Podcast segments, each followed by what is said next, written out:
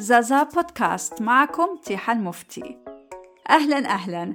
اليوم كنت مفكر شن ممكن يكون موضوع حلقتنا بما أن لنا السنة على زازا بودكاست. عيد ميلاد سعيد زازا. ما لقيتش أحسن من كلمة شكر وامتنان للناس اللي دعمتنا وشجعتنا. سواء كان حضراتكم مستمعينا أو الناس اللي متابعين صفحتنا على الفيسبوك. إضافة إلى هالفترة عندنا مشاهدي برنامج كتب ليبية على قناة الوسط WTV آه، لما بديت في تسجيل حلقات البودكاست والحمد لله أصبح عندنا متابعين وانتشرت آه، حبيت أن يكون عندنا توثيق. ما معناه أن في جهة إعلامية ما تدير معنا لقاء صحفي أو تسجيل إذاعي. نحكوا فيه عن شغلنا. وطبعا تواصلت مع ناس واجد بكل فوق ما إنكم تتخيلوا. وحدين قالوا لي نحن مش مهتمين بالكتب وحدين مش مهتمين بالتدوين الصوتي بصفة عامة. وحدين لا قالوا أوكي وفتونا. لكن حابة نشكر عدة شخصيات آه، اللي فعلا أعطتنا فرصة إن إحنا نحكوا على شغلنا في هذه الفترة. يعني نحكي أنا الكلام هذا من سنة. الشخصية الأولى هي الإعلامية والإذاعية الأستاذة وفاء بوجواري. عندها برنامج على إذاعة بنغازي المحلية واستضافتنا في آه، الفقرة الصباحية متاعها بتاريخ 18 6 2021 وطبعا حكينا على البودكاست وشن هو ك application لأن المشروع البودكاست مش بس جديد لنا ولكن حتى على الوسط اللي إحنا عايشين فيه. آه البودكاست ناس واجدة ما تعرفش في ليبيا. فكانت مهمتنا ان إحنا بس مش نقدموا محتوى إنما حتى نعرفوا على التطبيق هذا.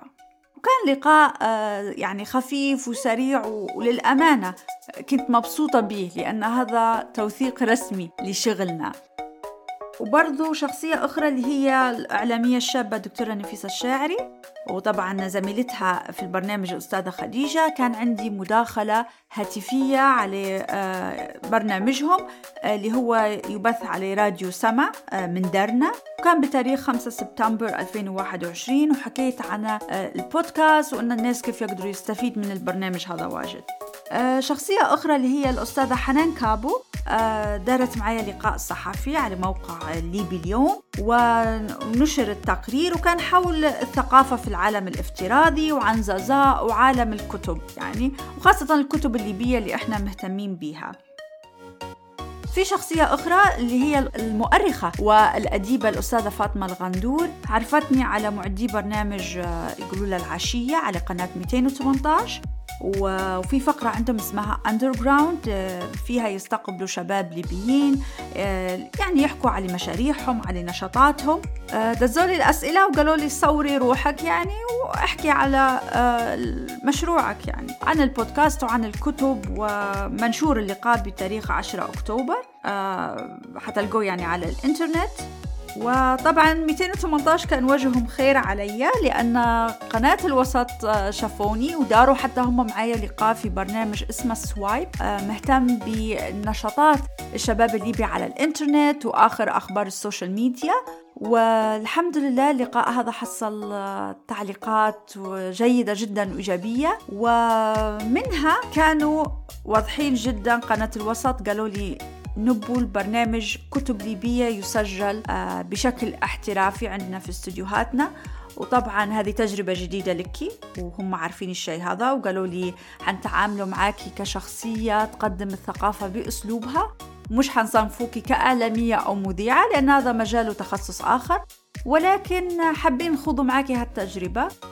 يعني خليني أقول لكم قبل ما تبث الحلقات نزل برومو لبرنامج كتب ليبية وكان مفاجأة للجميع وعلى أثره يعني قمت بعمل لقاء إذاعي مع الإعلامي القدير الأستاذ أحمد المقصبي بتاريخ 1 أبريل.